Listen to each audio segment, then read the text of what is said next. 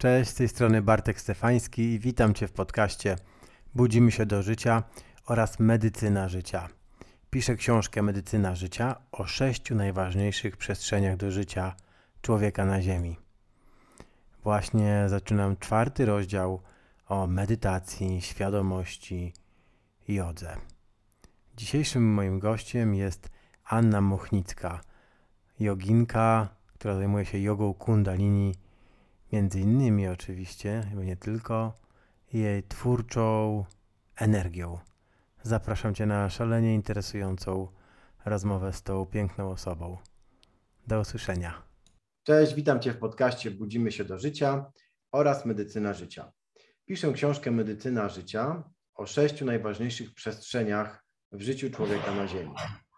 Właśnie rozpoczynam e, czytanie czwartego rozdziału, o jodze, medytacji, oddechu. Dzisiejszym moim gościem jest Anna Muchnicka, która jest nauczycielką jogi Kundalini, Vipassana oraz Loving Kindness. Cześć Aniu, miło mi, że jesteś. Cześć Bartku, witam Ciebie i witam Twoich słuchaczy i Twoich widzów. E, o, powiedz mi proszę, bo przedstawiłem Cię bardzo krótko, gdybyś jeszcze dwa, dwa więcej o sobie, bo wiem, że masz, e, że mógłbym przedstawiać Cię bardzo długo. Dzięki. Mm, jestem nauczycielem jogi kundalini i medytacji. Mm, zwracam taką uwagę mocno na tą medytację, dlatego że medytacja mm, wcześniej myśleliśmy, że yoga to są tylko, wiesz, asany, Mhm. Yoga fizyczna. E, wcześniej, tak sobie myślę, wcześniej, kiedy, kiedy ja zaczynałam jogę, tak gdzieś powiedzmy 12 lat temu, to tak mi się wydawało, nie? Że, że yoga to jest coś fizycznego i że generalnie tam nie ma nic związanego z duchowością, tylko jest to coś, co mi poprawi sylwetkę i sprawi, że się może trochę zrelaksuję. E, natomiast jak zaczęłam praktykować jogę i medytację, jogę właściwie kundalini, to zrozumiałam, że yoga to jest medytacja i um, kiedyś właśnie yoga była uważana za medytację. Jakby wszystko, co uważamy dzisiaj za jogę, asany, e, te całe ćwiczenia fizyczne i pranayama, czyli oddech, to jest wszystko, co nam przygotowuje do medytacji, czyli do prawdziwej jogi, czyli do takiego połączenia um, ciała, umysłu i ducha. I powiem Ci, że ja mogę się przedstawić w taki sposób, że ja byłam e, człowiekiem, który był bardzo, bardzo mocno w materii. Wiesz, jeszcze 10 lat temu, 12 lat temu e, pracowałam w e, instytucjach europejskich, we wszystkich instytucjach europejskich. Szukałam swojej drogi właśnie w tej karierze europejskiej. Studiowałam komunikację europejską i i języki. Mieszkałam, wiesz, za granicą, mieszkałam w Belgii, mieszkałam w Strasburgu, tam sobie żyłam. I wiesz co, czułam taką ogromną pustkę w moim życiu. Po prostu czułam, że w ogóle tam nie pasuje. Jakby ta mm, kultura osiągania celów mnie tam zaniosła, zaprowadziła. Moi rodzice bardzo mi kibicowali, wiesz, wchodziliśmy wtedy dopiero do Unii, więc jak byłam takim dzieckiem, które z małego miasteczka y, zrobiło wielką karierę jadąc właśnie do Wielkiej Brukseli i tam e, się odnajdując wśród urzędników europejskich i polityków i w ogóle, to wiesz, to, było taki, to był taki szczyt, a ja w środku czułam się takim, um, takim imposter, nie? Czułam, że po prostu w ogóle um, oszukuję samą siebie, oszukuję innych, bo generalnie nie lubię tej pracy. Płacą mi bardzo dużo. Siedzę już tam siódmy rok i zmieniam co chwilę, wiesz, działy, branże i nie wiem o co mi chodzi w ogóle. Miałam też, jestem bardzo wrażliwym dzieckiem. Od dziecka w ogóle lunatykowałam, więc miałam takie w ogóle mocne połączenie duchowe, ale nie rozumiałam tego, bo po prostu to wszystko wyparłam. Um, tą taką wrażliwość swoją, to połączenie, wiesz, ze światem duchowym, nawet ze światem um, zmarłych, e, ze światem e, ze światem o różnych religii, wiesz, to mnie też bardzo zawsze interesowało, ale na przykład e, szkoła i religia w szkole zabraniały mi w ogóle się tym interesować, wiesz. I ja po prostu to y, z jednej strony się buntowałam, pamiętam, że w liceum się buntowałam i chodząc na religii, zresztą czując właśnie takie mocne połączenie duchowe, że jakby ja czułam, że ja tego bardzo potrzebuję, że to jest y, coś dla mnie ważnego. Ja nie mogłam się jakby w, tej, w tym świecie materii odnaleźć i, i zaakceptować w, tym, y, w sobie tego. Więc to wyparłam, no i poszłam właśnie w tą, tą, tą, tą taką karierę właśnie, która była wtedy na czasie. No i w pewnym momencie y, zaczęłam tak lunatykować mocno, że mm, już czułam, że coś jest nie tak. Wiesz, poszłam do psychologa, później poszłam do psychiatry, powiedzieli mi, że mam le lekką depresję, y, insomnię i tak dalej, więc mm. powinnam się leczyć lekami. I... Ale taką, wiesz, taką delikatną, nie? Chodziłam na jakąś zaczęłam chodzić na sofrologię, to były takie też właśnie pierwsze takie kontakty może z energią czy czymś, ale w ogóle nie wiedziałam o co chodzi. Chodziłam sobie na jakąś tam dwuletnią terapię e, związaną z rodzicami, bo to też takie jest typowe, wiesz, kiedy się przebudzasz, to teraz się po prostu pojawiają wszystkie różne tam, takie rzeczy, które sobie trzeba zaleczyć, ale w ogóle nieświadomie szłam sobie tą drogą, nie? Po prostu myślałam, że muszę zaleczyć. No i w pewnym momencie już tak mocno lunatykowałam, że stwierdziłam, że nie, że ja po prostu wyjeżdżam, że ja rzucam to wszystko, co mam, to wszystko, co stworzyłam i tak, wiesz, na poziomie i związku, i mm, pracy. E, I właściwie całej mojej tożsamości, którą stworzyłam, która nie była moja, tylko po prostu była taka, jak się podobała. To, co się podobało innym, nie? To była moja tożsamość. Postanowiłam, że, postanowiłam, że to wszystko zmienię i pojechałam do Azji Południowo-Wschodniej. Znaczy, najpierw poleciałam do Meksyku, a później po miesiącu poleciałam do, do Kuala Lumpur i zaczęła się moja podróż. Zostawiłam e, cały świat swój, e, zamknęłam wszystko, wszyscy się pukali w głowę, moi przyjaciele i w ogóle nikt nie wiedział o co chodzi. E, mój były mąż pojechał do Kolumbii, a ja z kolei właśnie zaczęłam nurkowanie i zaczęłam takie życie tak jak wiesz, tak jak taka nastolatka, nie? Poczułam po prostu, że mi czegoś brakuje i chcę sobie to wszystko odbić teraz.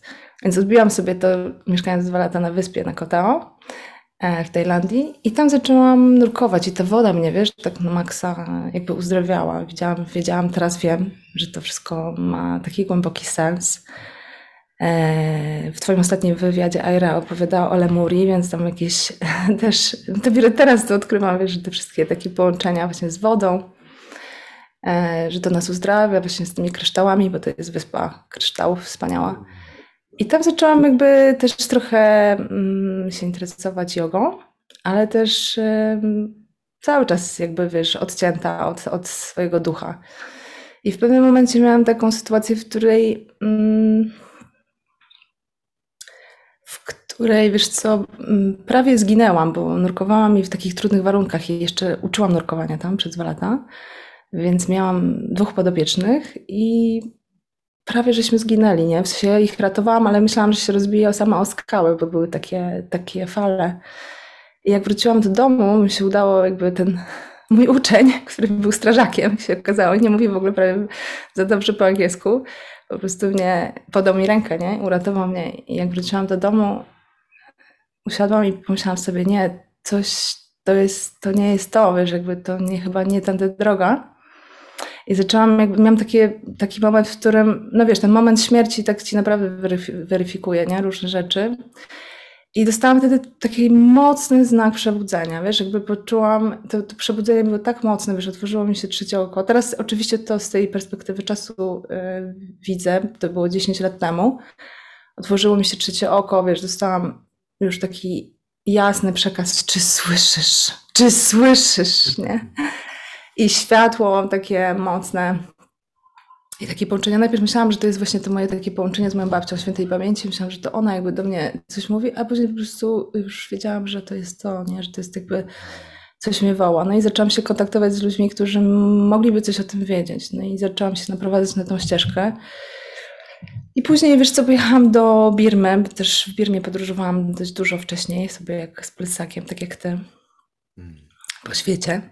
I Birma w 2012 roku to był taki kraj, e, który jeszcze, wiesz, junta wojskowa przez 50 lat I tam e, buddyzm, Theravada taki totalnie niedotknięty, jakby z, zewnętrznych, z zewnętrznymi wpływami, czyli w takiej czystej postaci, postaci, tak. I pojechałam tam, wiesz, w ogóle nie było w 2012 roku w Birmie nie było ani telefonów komórkowych, ani nie było, wiesz, bankomatów, ani nie było w sumie za wiele wiadomo, co tam jest, więc jak tam pojechałam sama z plecakiem, to nie wiedziałam, wiesz, ile mam mieć pieniędzy, ile co kosztuje, czy tam przeżyję i tak dalej.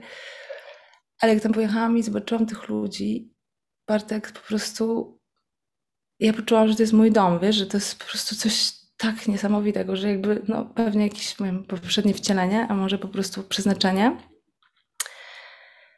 E, no i tam zaczęłam, no i tak po prostu pomyślałam, że sobie chciałabym tam mieszkać, więc zaczęłam tam mieszkać, dostałam ofertę pracy w ogóle też przypadkiem, w ogóle z Polski, słuchaj, z Polski oferta pracy nagle przyszła um, z uniwersytetu. Słucham? Ale z Polski przyszła oferta pracy w Birmie, tak? W Birmie. Przyszła oferta pracy z Polski do Birmy, wiesz? SWPS mnie tam wysłał jako wykładowcę MBA, studiów MBA. I ja wzięłam tą, tą pracę i po prostu zaczęłam się interesować buddyzmem. Moi, moi, moi uczniowie byli przepytywani non-stop, ponieważ oni wszyscy medytują codziennie, wiesz, są bardzo jakby, mm, no są buddystami, ale oczywiście są buddystami, bo tam są też i chrześcijanie, i muzułmanie, i różne etnie, ponad 100 etni różnych. E, I wiesz, i zaczęli mi mówić, słuchaj, ty musisz naprawdę już e, przestać nas męczyć, bo my nie, nie umiemy ci odpowiedzieć na te pytania, bo ty masz już za, za, za głębokie pytania i potrzebujesz iść tam właśnie ten Uniwersytet Theravada, e, buddyzmu Theravada. I ja tam poszłam i spotkałam mojego nauczyciela, właśnie mojego mistrza, profesora Sejado Nodinana, który był dziekanem, który cały czas jest dziekanem uniwersytetu i spotkałam go i on powiedział mi, wiesz co, chyba jesteśmy sobie przeznaczeni, bo ja mam wrażenie, że jakby po prostu czekałem na ciebie. Siedział i czekał, jakby się siedział w swoim pokoju i czekał na mnie. Tam wiesz, musiałam przejść przez różne korytarze, zanim tam do niego dotarłam, w ogóle nikt nie mówił po angielsku. Nagle człowiek mówi po angielsku. No i się zaprzyjaźniliśmy. I w ogóle było to niezwykłe, bo jakby chodziłam do niego na takie prywatne zajęcia, siedziałam zawsze przy tych otwartych drzwiach, siedziałam na ziemi, on siedział na, na fotelu, no i mnie po prostu uczył, pomagał mi jakby, w sumie pomagał mi żyć. Pomagał mi żyć, pomagał mi wyjść właśnie z tej kultury osiągania celów, pomagał mi przetransformować w ogóle moje myślenie, nie? z tego takiego obsesyjnego przywiązania, bo myślę, że to było głównym moim problemem wszystkich moich jakby nieszczęść i tego, um, że ja się jakby identyfikowałam ze wszystkim, co jest na zewnątrz. E, jak to wszystko straciłam, to nie wiedziałam, kim jestem, tak? Straciłam jakąś tam swoją tożsamość, no i po prostu to było właśnie to mm, ego, które się, które się totalnie rozwaliło. Także to była jedna taka taka jedna moja nóżka, czyli to, ta vipassana i loving kindness, to, to są właśnie konsekwencje tych, tych spotkań, tych, tej naszej przyjaźni. Birma jest dzisiaj, nie wiem czy wiesz Bartku, ale tam jest e, teraz stan wojenny w, 2000, e, w tamtym roku, w, w lutym znowu, wiesz, junta wojskowa zrobiła pucz, więc Birma jest teraz zamknięta, nie mam prawie w ogóle kontaktu z moimi przyjaciółmi, tam się dzieje wojna po prostu non-stop. Więc jest to jest to dla mnie bardzo, bardzo przykre i myślę, że dla wielu osób, które tam jeździły właśnie po tą wiedzę, po tą mądrość, po Vipassana, po loving kindness. Więc tam się uczyłam tego. A później, mm, wiesz co, wróciłam na chwilę do Polski i spotkałam Kołę Koryckiego, który jest moim mistrzem jogi kundalini, od którego najpierw e, w ogóle się dowiedziałam o kundalini, bo mnie po prostu ta mantra, nie wiem czy znasz taką mantrę Adi Shakti. Mhm. Adi Shakti. I ta mantra Shakti mnie tak wołała, że, że nie wiem, że po prostu kundalini macha. No i mówię, nie, idę, idę zobaczyć. Ale tak naprawdę to też jakby ona mnie wołała, ale ja się bałam tego, wiesz, bo kundalini, jak sobie wrzuciłam kundalini nauczycieli gdzieś tam w 2014 roku, jak sobie ich wrzuciłam w, w Google'a, no to zobaczyłam ludzi w białych jakichś turbanach mm. i wyglądało mi to jak sekta. Mm. I generalnie tak mnie to odpychało i po prostu pomyślałam sobie, i jeszcze wiesz, te, te czakry, to wszystko było takie odjechane i myślałam sobie, ja pierdzielę, przecież ja już tak odjadę w ogóle. To już teraz jestem dość dziwna dla mojego środowiska. To, co dopiero w ogóle, jak ja tam pójdę. Więc trochę to olałam na początku, czy bałam się trochę tego, nie? Po prostu nie, nie poszłam w to. Może dzisiaj też dlatego jestem taka, wiesz, staram się być w tej jodze kundalini taka bardziej przystępna dla ludzi. Znaczy chcę pokazać, że kundalini jest dla wszystkich, nie? Nie tylko dla ludzi na maksa odjechanych i że każdy, nawet pracując w korporacji. Chcesz mi zadać pytanie? Tak, chciałbym, chciałbym na chwilkę coś powiedzieć. Opowieść jest przepiękna. Wiedziałem, że nie jestem w stanie Cię tak przedstawić. E, dobrze, że to zrobiłaś.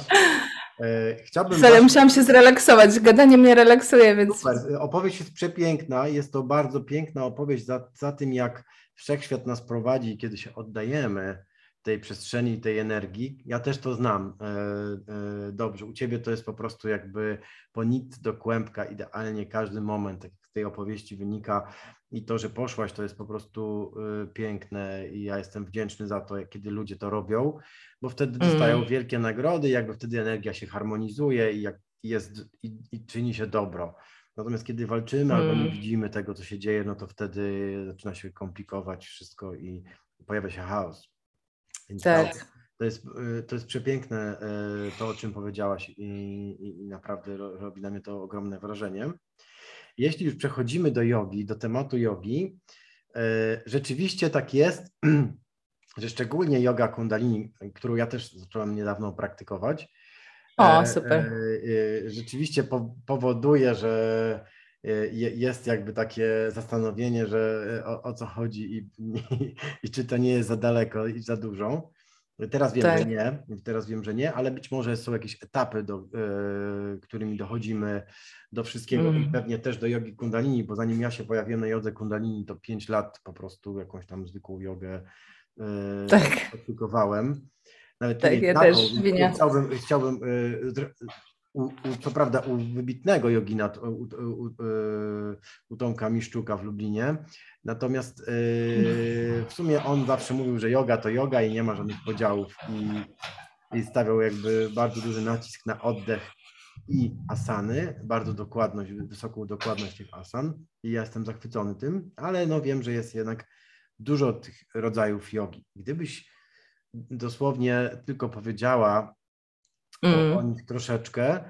I chciałbym wejść y, w jogę kundalini, co to jest, czym się charakteryzuje. Chciałbym troszkę to odczarować, że to nie mm -hmm. jest właśnie sekta, tak jak, tak jak to można by było pomyśleć. I w ogóle dlaczego yoga kundalini? Czym ona się charakteryzuje? Jakby co mamy z tego? Tak.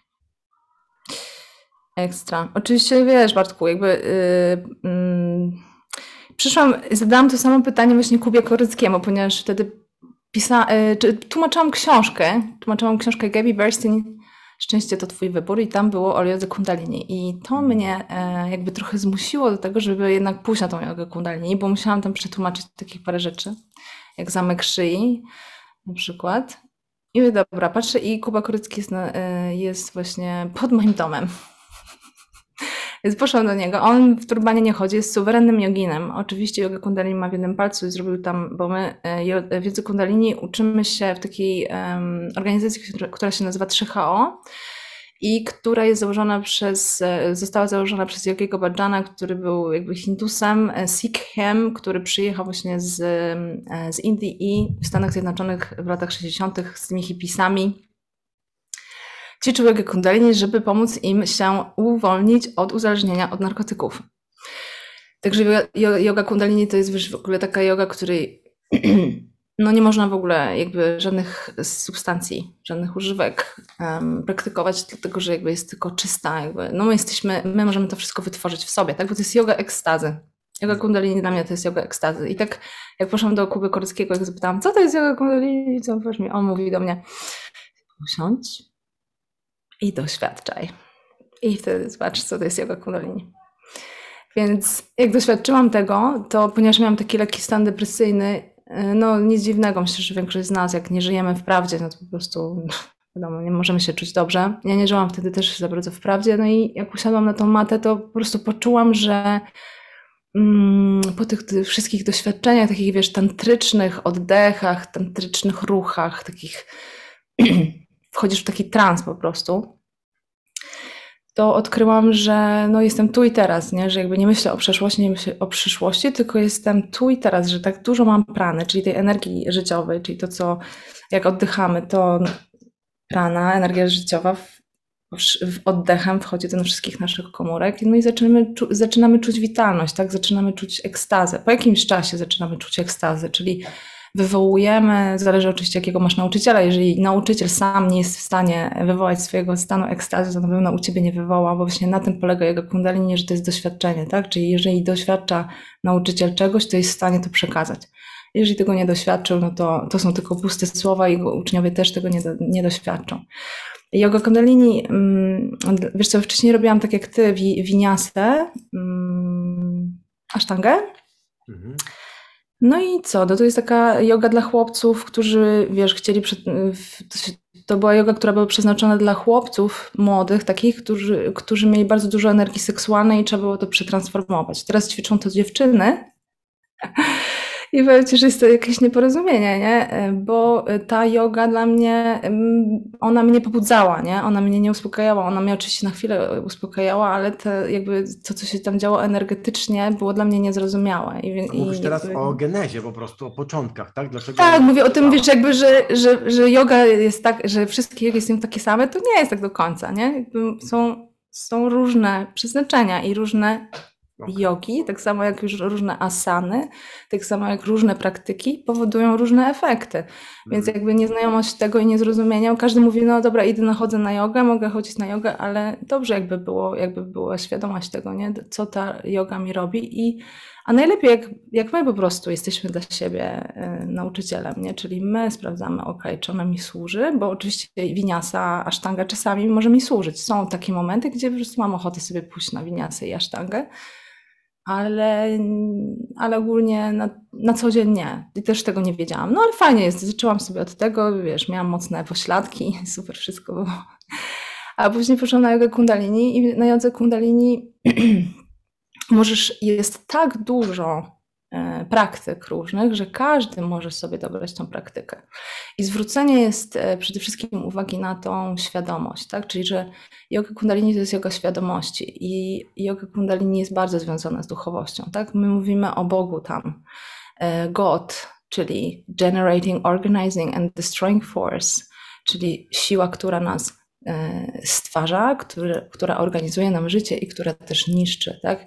Są wszystkie aspekty Boga. Mantry, które pochodzą w kundalini, to, to nie są mantry mm, w sanskrycie. Głównie są to mantry sikhijskie, które pochodzą, i to też bardzo mało osób to wie, bo jak już zaczynasz skłamiać jogę kundalini, to może ci się uda pojechać właśnie do, do Sikhów i mi na przykład się udało pojechać do Gobin Sadan koło New Delhi, to jest taki ashram, w którym Yogi Bhajan też tam mieszkał. Czy uczył się, twierdził, że uczył, chociaż oni go tam nie za bardzo znają. I ja tam, wiesz, jakby dochodziłam, gdzie jest ta geneza Yogi Kundalini i skąd są te mantry, bo moja, yy, jakby na jodze Kundalini możesz się skupić na wielu aspektach i możesz się skupić na mantrach, możesz się skupić na oddechu, możesz się bardziej skupić na na tej części takiej mm, na asanach na przykład. Możesz się skupić na numerologii.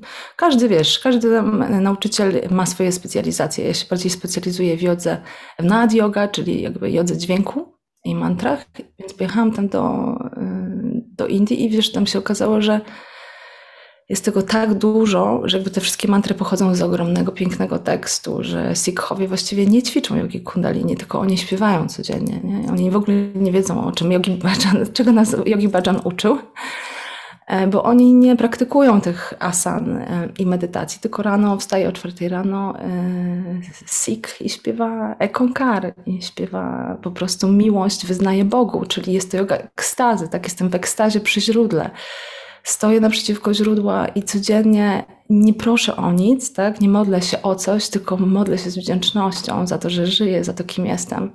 I te teksty, które ludzie, wiesz, śpiewają nawet na języku kundalini, może czasami nieświadomie, to są na przykład teksty guru sikhów, e, różnych guru sikhów. I na przykład ostatni guru sikh napisał i przekazał nam te mantry, kody e, na łożu śmierci, czyli umierał i po prostu wyobraź sobie, człowiek w momencie śmierci jest w takiej miłości, w takiej ekstazie do Boga. Więc dla mnie yoga kundalini przygotowuje nas na śmierć, przygotowuje nas na przekroczenie tej, na kolejną drogę, tak?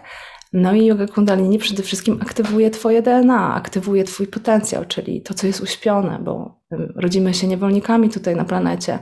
A yoga kundalini jest to yoga wyzwolenia, także wyzwala cię ze wszystkich iluzji. Po prostu praktykujesz i to nie tylko to wpływa na całe Twoje życie, zmienia Twoje życie ogromnie, jakby prze, prze, prze, przeorganizowuje Ci rzeczywistość, no ale przede wszystkim dostajesz cały czas, jakby aktywujesz swoje dane, czyli dostajesz kody, informacje e, powoli, powolutku, powolutku, żeby wiesz, nie przepalić, że tak powiem, systemu na temat tego, kim jesteśmy, dokąd idziemy, co to w ogóle się dzieje i tak dalej. No tak, ale to może, jeśli ktoś nie praktykował jogi kundalini, to może wszystko, ja to wszystko jakby e, e, z łatwością rozumiem, co mówisz, bo, bo rozpocząłem tą praktykę, natomiast może być to w jakiś sposób tajemnicze. Rzeczywiście, rzeczywiście na jodze kundalini e, też są asany, jest duży, duży przynajmniej na tą jogę, gdzie, na którą ja chodzę, jest duży nacisk na oddech. Mhm czym ja się zetknąłem, myślałem, że już całkiem nieźle mam opanowany oddech, a jednak e, nie do końca. Mhm. Nowe. E, no i dużo właśnie jest e, śpiewania mantr, co, co jest mhm. najpiękniejsze w tym wszystkim. Mówisz, że yoga kundalini też oddech. Być może jest właśnie śpie, śpiewem tylko. Jest... Nie, nie tylko, nie tylko, w sensie takim, że jakby wiesz, nie, nie tylko, w sensie ona ma te wszystkie aspekty, nie? Ale jakby jest dużo śpiewania. Okej. Okay. Super. E, w jaki sposób zachęcić jednak? E, żeby, e, nie zachęcam. Nie, zachęcasz. Nie żartuję. Nie zachęcam w sensie takim, wiesz co, ja nie zachęcam dlatego, że ja uważam, że to jest powołanie. Że ty czujesz, nie? Że cię woła. Wołało cię pięć lat. Mm, tak. Wołała cię pięć lat i, i jak jesteś niegotowy, no to lepiej, żebyś nie przychodził. A jak będziesz gotowy, to i tak trafisz na swojego nauczyciela. I najczęściej to jest tak, że jak e, uczeń jest gotowy, to nauczyciel się pojawia. Dlatego byłeś gotowy i jakby przygotowujemy swoje ciało energetycznie do tego, żeby być gotowym i na przykład właśnie może taka właśnie praktyka jakaś tam, może nawet bieganie może Cię przygotować na, na jego mm. kundalini, tak? Bo sam fakt, że zaczynasz oddychać, zaczynasz być czegoś świadomy swojego ciała i tak dalej. U mnie się na przykład od biegania zaczęło. Później była ta winiasa i później dopiero yoga kundalini, więc to trwa. Tak samo do vipassana przygotowywałam się 10 lat. Najpierw usłyszałam o vipassana w 2006 roku w Kambodży od jakiegoś chłopaka, który właśnie wrócił stamtąd i czułam i wiedziałam, że to jest to, nie wiedziałam, że to jest moje, ale później dopiero poszłam 10 lat później na to w 2016 roku na pierwszą Vipassana. Tak samo właśnie z jogą kundalini. To jest wspaniałe dla mnie, bo ty jesteś sam się inicjujesz. Tutaj cię nikt nie inicjuje, nikt cię nie zmusza. I też wiesz, jestem troszeczkę przeciwna takiej komercjalizacji jogi kundalini, chociaż robię to w taki sposób, jakby wiesz, jakby jestem nauczycielem, sprzedaję moje kursy, bardzo się tym jakby pracuję mocno nad jakością moich kursów i nad tym, żeby to było wspaniałe i żeby to było też przystępne dla ludzi, żeby kobiety, które przychodzą do mnie właśnie mogły to robić w domu, żeby nie musiały gdzieś specjalnie chodzić, żeby to było takie, wiesz, ułatwione. No jestem na Zoomie, czyli wiesz, jestem technicznie się rozwijam i tak dalej. I o tym też właśnie mówię o Kundalini. Jesteśmy w erze wodnika, więc to wszystko się rozwija.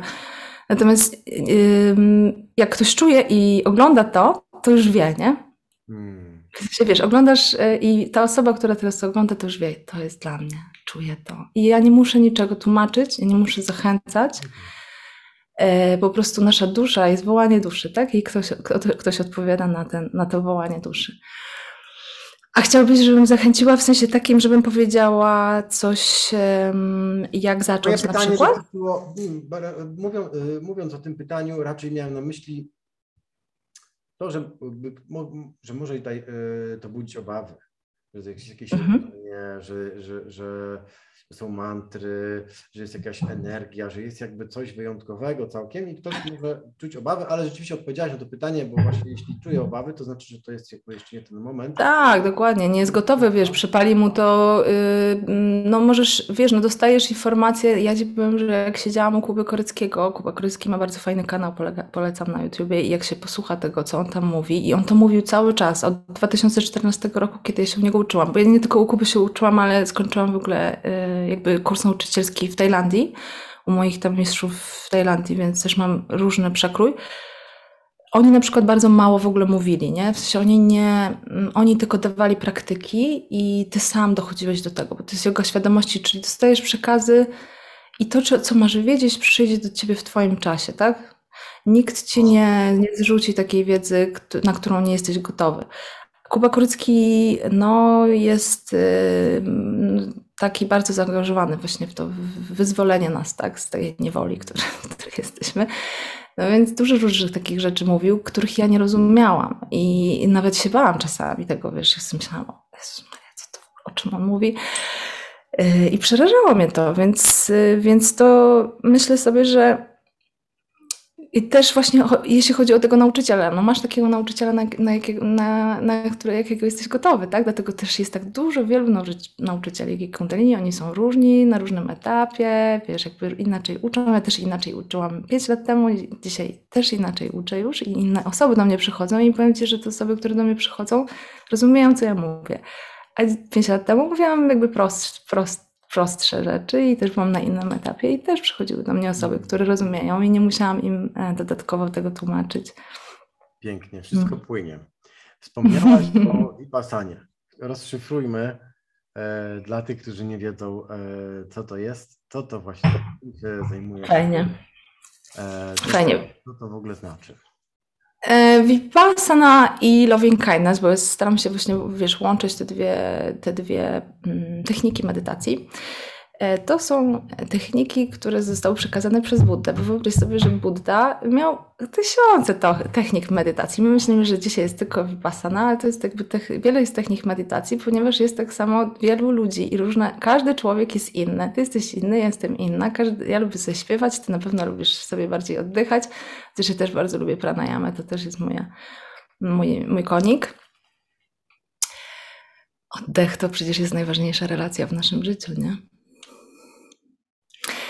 A Vipassana, e, Vipassana to jest bardzo popularna, bardzo popularna w Polsce, bo jest bardzo dużo ośrodków Vipassana w Polsce. E, technika medytacji, która, mm, która właśnie pochodzi z buddyzmu i którą można e, na, na tą jakby uczyć, no, można się tej techniki nauczyć, można się tej techniki nauczyć w tych centrach medytacji i się zazwyczaj idzie na 10 dni na taką, na taką medytację. Dlatego ci powiedziałam, że 10, że 10 lat dojrzewałam do tego, żeby usiąść, bo to wygląda tak. Nie wiem, czy ty byłeś już na swojej 10-dniowej wipce, nie?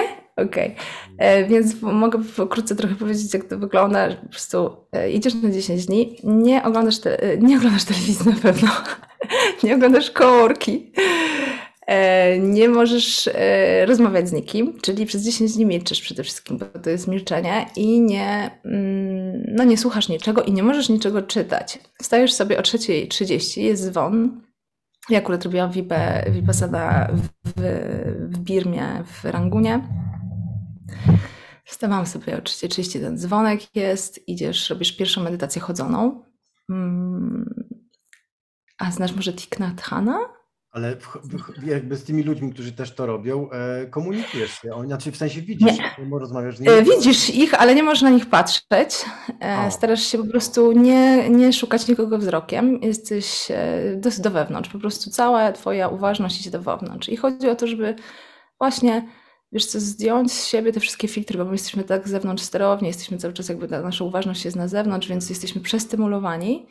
A Vipassana chodzi o to, żeby właśnie zdjąć chociażby nawet jeden dzień Vipassana. Ja robię właśnie zawsze na, na naszych wyjazdach, jak, jak organizuję e, wyjazdy RC Spirit, to robimy chociaż jeden dzień takiego milczenia i, i, tak, i trochę e, Vipassana i trochę innych praktyk, tak żeby po prostu trochę zeszło z nas właśnie te, te wszystkie filtry, te maski, ten wiesz, ten, to, to, to cały czas jesteś na zewnątrz, czyli cały czas ktoś cię coś cię ogląda, nie? Bodźców jest przepotężna w, y, w, tym momencie, więc rozumiem, że ty by odbodźcować się po prostu. Więc odbodźcowujesz się, tak. A medytacja chodzona, właśnie zapytałam cię, czy znasz Thich Nhat Hanh w świętej pamięci, bo niedawno odszedł i on właśnie tak rozpromował tą, też ten buddyjski mnich, który rozpromował y, w Europie tą medytację chodzoną, więc tam w Birmie, mm, w Polsce chyba się nie robi medytacji chodzonej z tego co pamiętam, ale w Birmie właśnie się robi, więc rano wstajesz, idziesz, chodzisz, patrzysz przed siebie i, i, i chodzisz po prostu prostu oddychasz, zwalniasz, zwalniasz ruchy.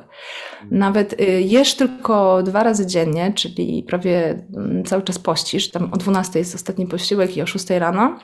I nawet jak idziesz po ten posiłek, to idziesz bardzo wolno, jak starsza osoba. I te, to zwolnienie powoduje zmiany w ścieżkach neuronowych, zaczyna zmieniać się coś w ogóle w chemii Twojego mózgu i Twojego organizmu. I, no i medytujesz, słuchaj, godzinę i później robisz sobie przerwę i później znowu godzinę i przerwę i można na zmianę chodzoną, siedzoną. Wiem, że w Polsce jest tylko siedzona, więc ale też to jest jakby sam z tym wszystkim, czy ktoś mi wspiera? Jakby Jesteś sam, ale je, masz, że mogę Ci powiedzieć, że wsparcie jest, jest, tak? Na przykład są mnisi, którzy e, Cię przyjmują, czy tam sejado, czyli to starsi mnisi, którzy są, są w takim ośrodku i możesz się z nimi pan po trzech dniach e, skomunikować, więc idziesz, ja idę do, do tych mnichów nam opowiadam, opowiadam na początku, nie? Pierwsze moje to było takie Jezus, tak Oni mówią, hmm, no dobrze, no to idź dalej, medytuj. I, I tyle, no i 10 dni takiego, wiesz, spotkania kurczę ze sobą, więc jak y, myślałam, że medytacja to jest w ogóle ekstaza, a to było po prostu czyszczenie kloaki i pokazywanie po prostu wszystkiego, tych wszystkich myśli, które, które są obsesyjne i które ciągle biegają po głowie. No więc jest to mega oczyszczenie, nie? mega zmienia życie. Potem, potem, jeżeli ktoś wraca do pracy przed biurkiem, no to może się naprawdę nie odnaleźć, no bo po takich 10 dniach naprawdę dużo ci się rzeczy zmienia i fajnie mieć dobre jakieś wsparcie i później to praktykować e, właśnie z kimś i nie być z tym sam, bo, bo te zmiany są ogromne. E, no i jest też, są też jakby nagrania, że oglądasz sobie takie wykłady na temat Vipassana i nie masz kontaktu. Akurat w Birmie tak było. Nie wiem, jak jest w Polsce. W Polsce jest w ogóle, są w ogóle inne ośrodki i tam jest Vipassana według Goenki. Ja byłam w tradycji Mahasi, więc y, nigdy nie byłam w tradycji Goenki, tak jak w Polsce, więc nie będę się na ten temat wypowiadać, ale wiem, że tam się troszeczkę różni ta, ta Vipassana. No i chciałam też powiedzieć wiesz, o medytacji Loving Kindness, bo tam też ją odkryłam. To jest kolejna medytacja, y, którą Buddha nam przekazał. Y, no. Zamknąć. Czyli rozumiem, że Vipassana to jest po prostu na przykład 10 dni, rozumiem, że jakieś tam jest tradycja 10 dni, rozumiem, że pewnie też można krócej spróbować, ale jest... Wiesz co, nie można, nie można, tylko można 10 dni i musisz się na te 10 dni przygotować, że to jest właśnie to, nie, bo podobno, y, znaczy wiesz, nie można, w sensie takim mówię o ośrodku Centrum Medytacji, jak, jak, jak medytujesz 10 dni, to po prostu możesz zobaczyć naprawdę te zmiany.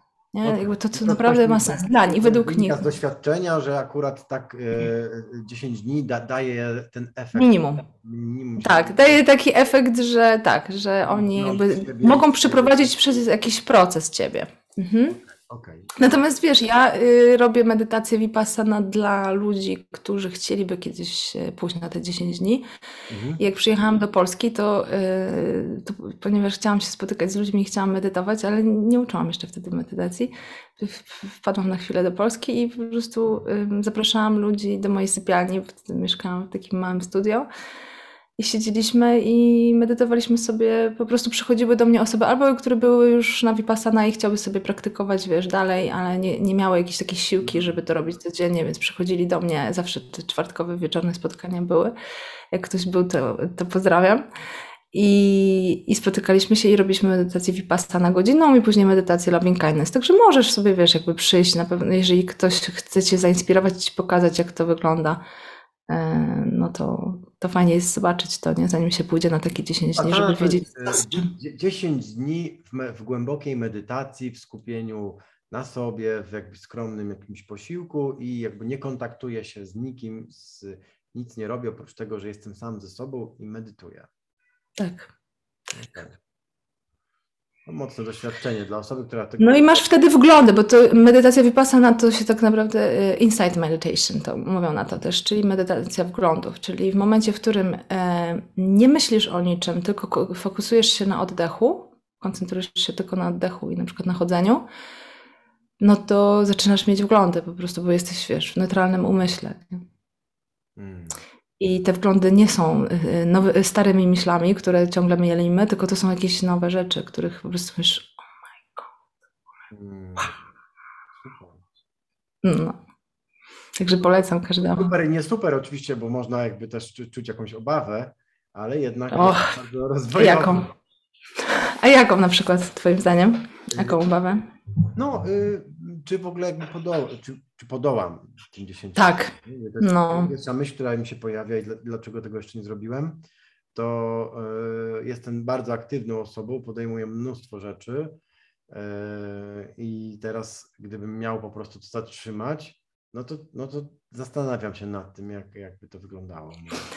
Wiesz co, po, polecam Ci jeszcze, bo jest coś jeszcze bardzo ciekawego w Polsce, o czym nikt nie wie.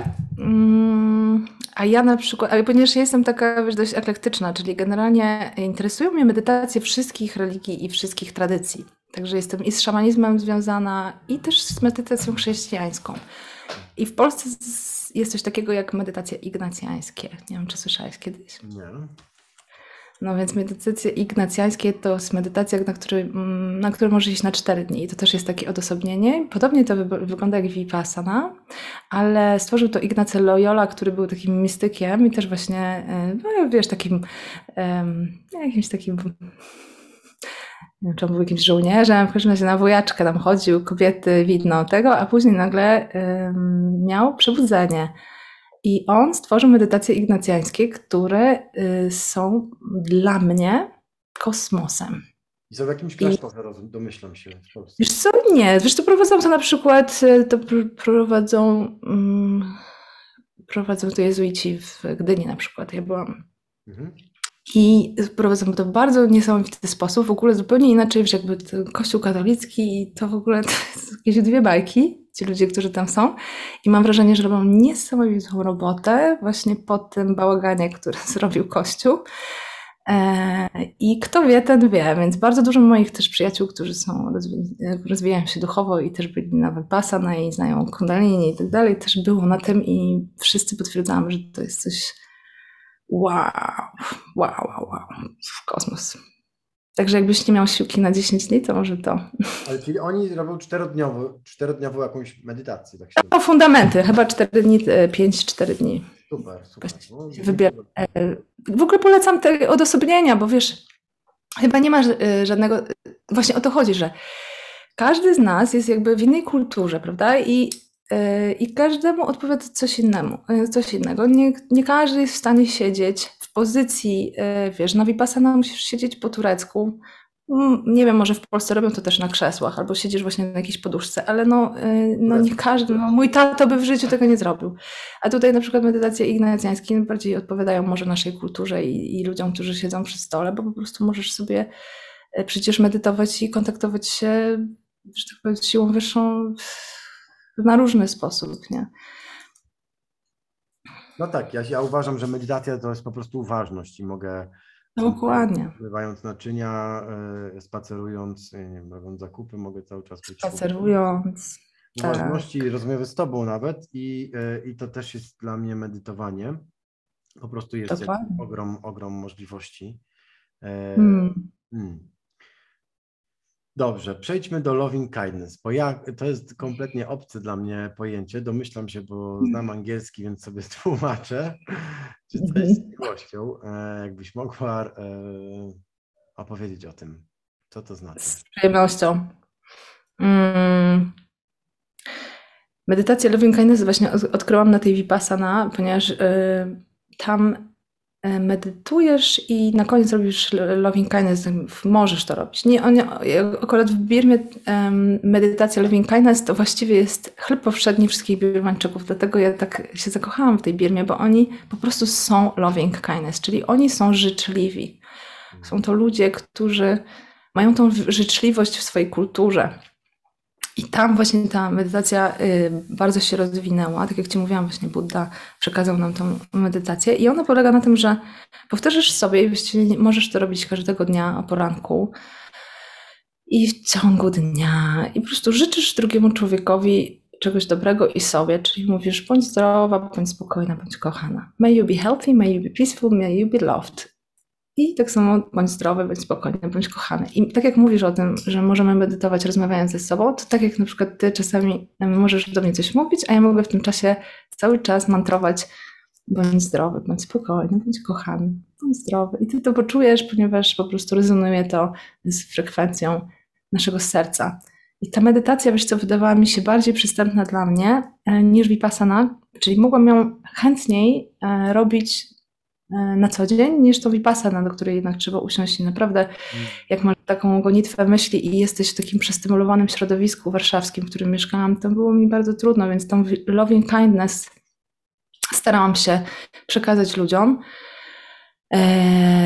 rozmawialiśmy o TEDxie i ten TEDx też powiedziałam tylko dlatego, żeby po, Mm, opowiedzieć o loving kindness, żeby zrobić ludziom loving kindness medytację i, i żeby po, pokazać, że ta medytacja właśnie nie musi być taka trudna, nie? że możesz po prostu wypowiadając życzliwe słowa, życzenia do kogoś drugiego, możesz zmienić sobie mm, ścieżki neuronowe, możesz zmienić sobie życie. I ta medytacja loving kindness ona powoduje, bo wiesz co, jak spotkamy się ze sobą vipassana i widzimy te wszystkie myśli, to to jest tak trudne dla człowieka zachodu, że można naprawdę, mm, no można zwariować, wiesz, czasami.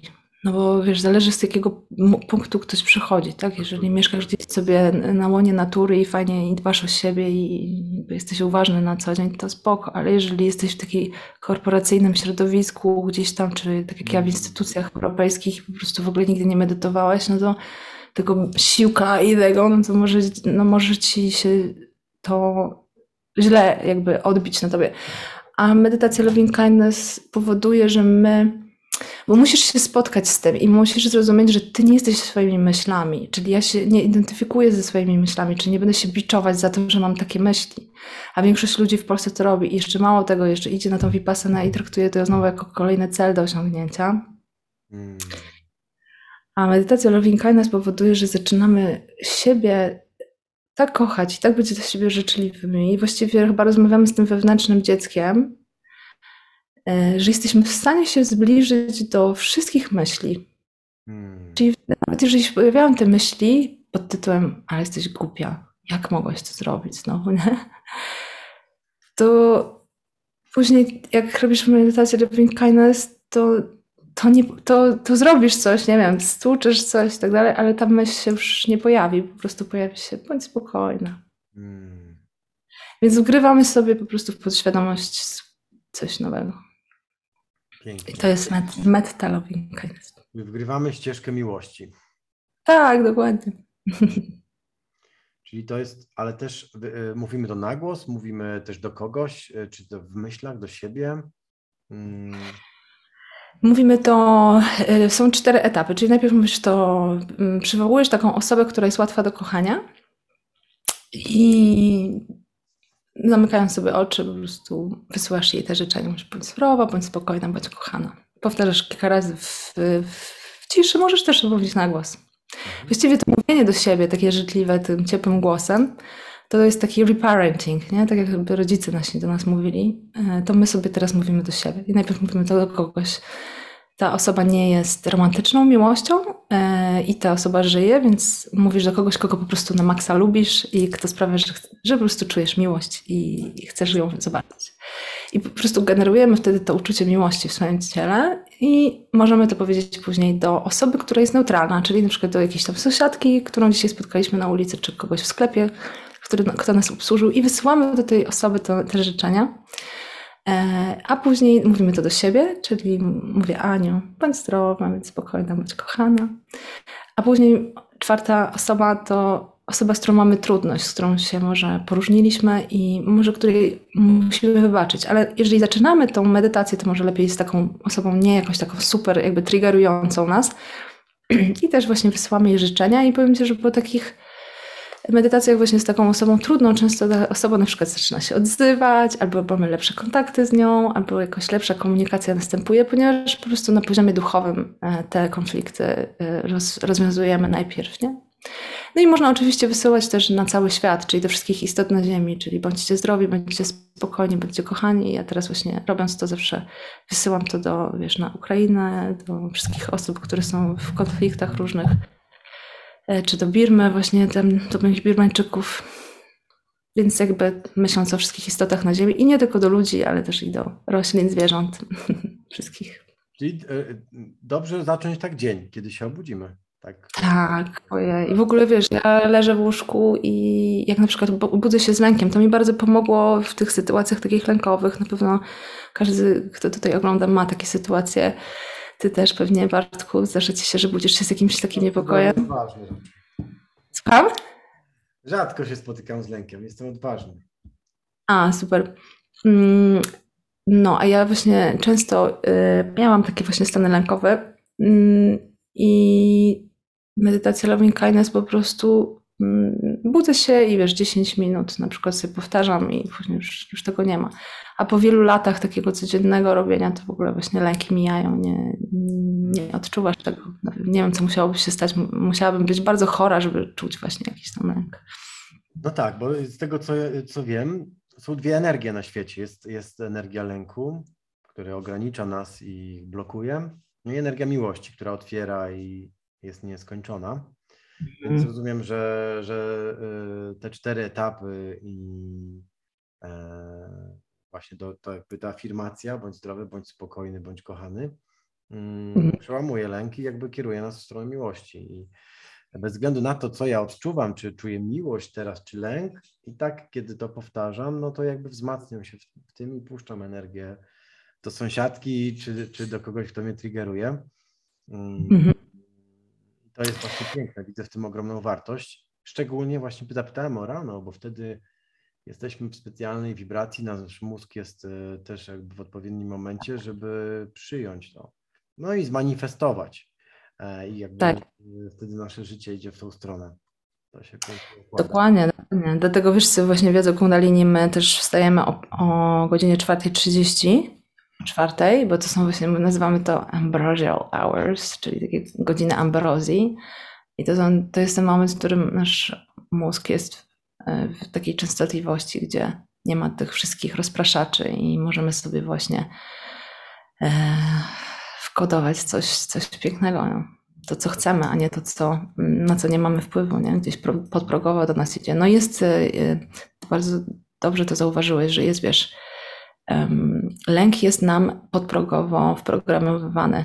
A lęk to właściwie myśli, nie? bo strach to jest e, emocja, którą czujemy w ciele i ona jest dobra, ponieważ strach, strach, kiedy czujemy strach, e, to to jest informacja, tak? Jest, jest informacja, że e, czuję się niebezpiecznie i potrzebuję pomocy, tak? Potrzebuję wsparcia. Więc jeżeli ktoś czuje strach, to wtedy zamiast się za to biczować, może sobie to przetłumaczyć, że to jest informacja, ok, dlaczego ja się tak czuję i czego ja potrzebuję, mogę sobie to dać, tak? Natomiast lęk to jest myślenie, czyli to jest myślę, jakieś mam myśli i to powoduje lęk. I to nie jest uczucie w ciele, tylko ani emocja, tylko po prostu stan umysłu. No i tym lękiem karmi nas, e, wiesz, każe, każe, karmi nas e, Matrix. E, no, bo ma z tego korzyści, prawda? Hmm. To, co robimy, ty i ja, i wszystkie osoby, które, które tutaj zapraszasz, to jest właściwie um, pokazywanie właśnie tego, że jest też coś innego, nie? Jest miłość. Zapraszam istoty świetliste właśnie, żeby y, iść w kierunku prawdy i jestem bardzo szczęśliwy, że że przyjęłaś moje zaproszenie i byłaś moim gościem, bo właśnie hmm. zmierzamy do końca. Mam nadzieję, że jeszcze się nieraz spotkamy lub, lub na żywo przyjadę do Ciebie na praktykę. Zapraszam serdecznie. Będzie mi bardzo miło. E, dziękuję jeszcze raz za przepiękną rozmowę. Mm. Dziękuję Bartku, byłoby bardzo, bardzo miło.